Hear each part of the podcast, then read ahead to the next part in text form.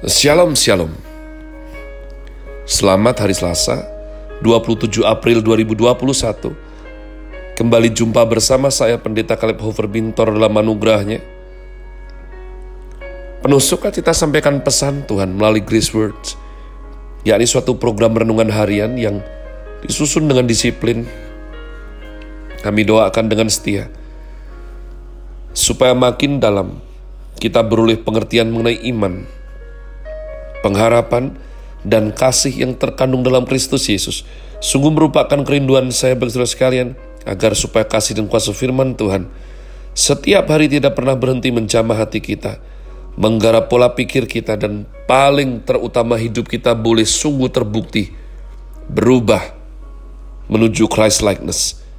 Masih dalam season summer dengan tema guide Chris Word hari ini saya berikan judul Assassin bagian yang ke-11. Asasin bagian yang ke-11 tindakan membunuh demi kepentingan sendiri apa pun alasannya. Mari kita dengan cepat membuka kitab keluaran Fatsal 20 ayat yang ke-13, keluaran 20 ayat yang ke-13.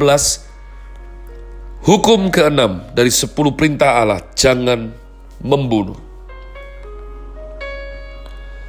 Jangan membunuh. Dua hari yang lalu kita belajar bagaimana perjanjian lama memaparkan tiga kasus pembunuhan umat Tuhan. Sehingga ketika mempelajarinya, kita akan mengerti bahwa perintah jangan membunuh itu adalah penuh kasih daripada Tuhan. Ya, kita sudah bahas panjang lebar bagaimana manusia itu dicipta serupa segambar dengan Allah. Sehingga jangan memakai pembunuhan sebagai suatu solusi. Dan Itulah saat di mana manusia lebih mendengarkan iblis daripada Tuhan. Besok kita akan belajar lagi pada saat perang itu seperti apa, tapi ini berlaku pada saat sehari-hari umat Tuhan. Ya, maka kita belajar tiga kasus pembunuhan dalam perjanjian lama. Kita sudah belajar mengenai Kain, anak Adam membunuh Habel adiknya. Bagaimana pedih sekali sebab kalau engkau membaca dengan teliti, Kain umat Tuhan memukul adiknya dari belakang. Setelah jatuh, baru dibunuh. Jadi ini kelam sekali. Saya bisa membayangkan betapa kagetnya Habel ketika terjatuh pertama kali sebab dipukul dari belakang oleh kakaknya Kain. Dan saya bergidik mengingat kemungkinan sangat besar ketika eye to eye ketika mata Kain berjumpa dengan mata Habel adiknya. Ketika mata Habel itu ngeri sekali. Kenapa kamu kakakku? Jangan, saya percaya ada sesuatu, ya, jangan kak. Tapi Kain dengan gelap mata bunuh Habel. Nah, umat Tuhan, ya, ini adalah garis batas banyak orang itu tidak belajar tapi sok pintar. Kalau Tuhan baik, kenapa Tuhan yang Maha Kuasa tidak pegang tangan orang tersebut sehingga tidak terjadi pembunuhan atas Habel? Tuhan yang baik ini, Tuhan yang adil dan penuh kasih ini umat Tuhan, itu tidak akan menjilat ludahnya sendiri. Maafkan saya penggunaan bahasanya untuk manusia ya. Tidak akan melanggar hukum ketetapan yang sudah disampaikannya bahwa manusia itu tidak bisa lepas dari kedaulatan Allah sebagai first cause itu betul. Tapi demikian juga manusia itu dipercayakan free will kehendak bebas umat Tuhan. Oleh karenanya Tuhan sudah datang kepada Kain. Kain, jangan bunuh adikmu. Kain, kenapa hatimu panas, wajahmu muram? Jadi rupa-rupanya orang yang jatuh gelap Orang yang tidak mau menyambut terangnya yang ajaib umat Tuhan, itu mau didoakan, mau diajak konseling, dinasehati langsung oleh sang pencipta, dia akan tetap, saudaraku, keblinger. Dia sudah salah jalan, dia tetap melakukan egonya di lapangan. Nah ini, dalam sepersekian waktu, Tuhan di dalam hidup manusia tersebut adalah dirinya sendiri. Dan itu adalah dosa yang sangat besar sekali umat Tuhan. Kasus kedua dalam perjanjian lama yang menarik adalah mengenai pembunuhan oleh Ahab, Raja Israel. Ya, Raja Ahab adalah raja yang dikuasai istrinya, Isabel. Maka Ahab hanyalah raja boneka. Cilakanya lagi, ia tidak takut akan Tuhan. Dia takut istri, justru tidak takut akan Tuhan. Ini parah umat Tuhan. Kalau engkau suami seperti ini, saya berdoa supaya Tuhan berikan kekuatan dan hikmat supaya jangan begitu. Tinggal tunggu waktunya konflik pasti terjadi. Karena paling takut, kita harus takut Tuhan umat Tuhan. Takut Tuhan paling utama. Ya, Ahab tidak takut Tuhan. Bahkan dia menyembah Baal dan memelihara 400 nabi Baal. Istrinya menyembah Asyera dan memelihara Nabi Asyera lebih banyak lagi. Pada saat itu Elia hidup sebagai nabi yang memegang kebenaran, yang mendengarkan dan menyiarkan suara Tuhan. Maka Nabi Elia dengan berani menegur Ahab dan menyatakan tidak akan turun hujan di Israel. Ahab begitu membenci Elia, tetapi ia tidak berani karena Tuhan menyertai Elia. Suatu hari, Raja Ahab mengingini sebidang tanah di kotanya. Ternyata tanah itu milik Nabot, dan Nabot tidak mau jual karena tanah itu adalah tanah warisan. Ahab pulang dengan murung dan tidak mau makan.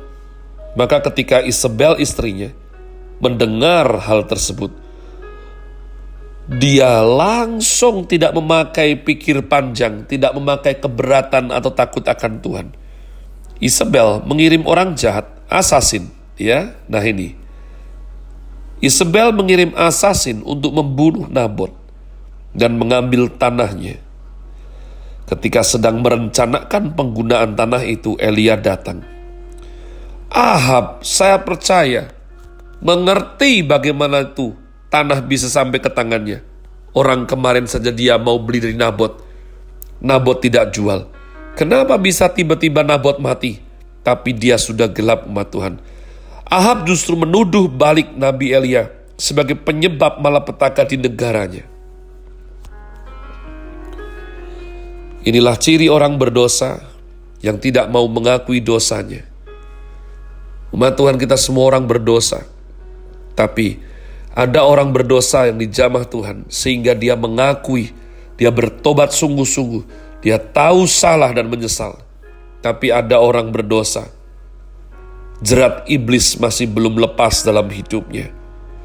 Iblis terus meniupkan bahwa dirinya penting, perasaannya paling penting, egonya paling penting, sehingga walaupun mungkin dia beragama Kristen,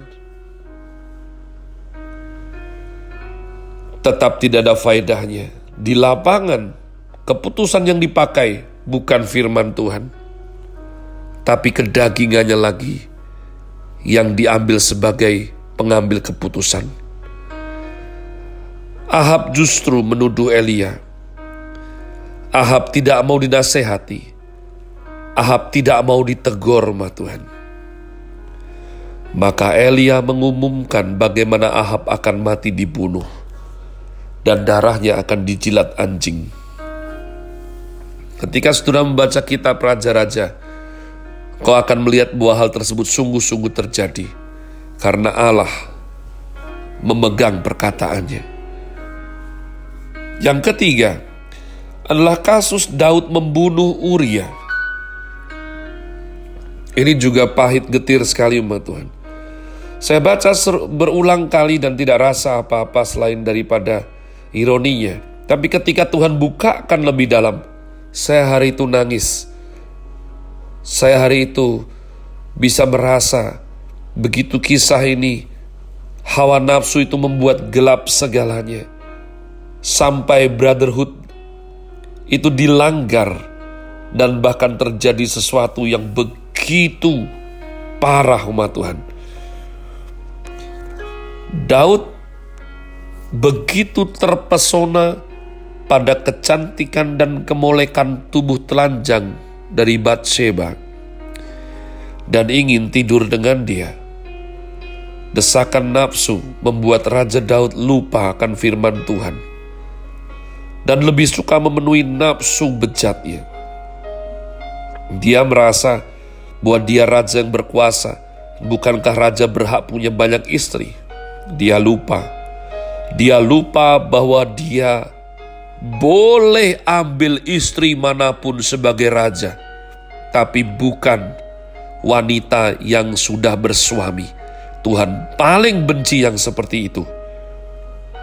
Dia lupa bahwa dia adalah raja yang punya Tuhan dan punya Taurat Tuhan.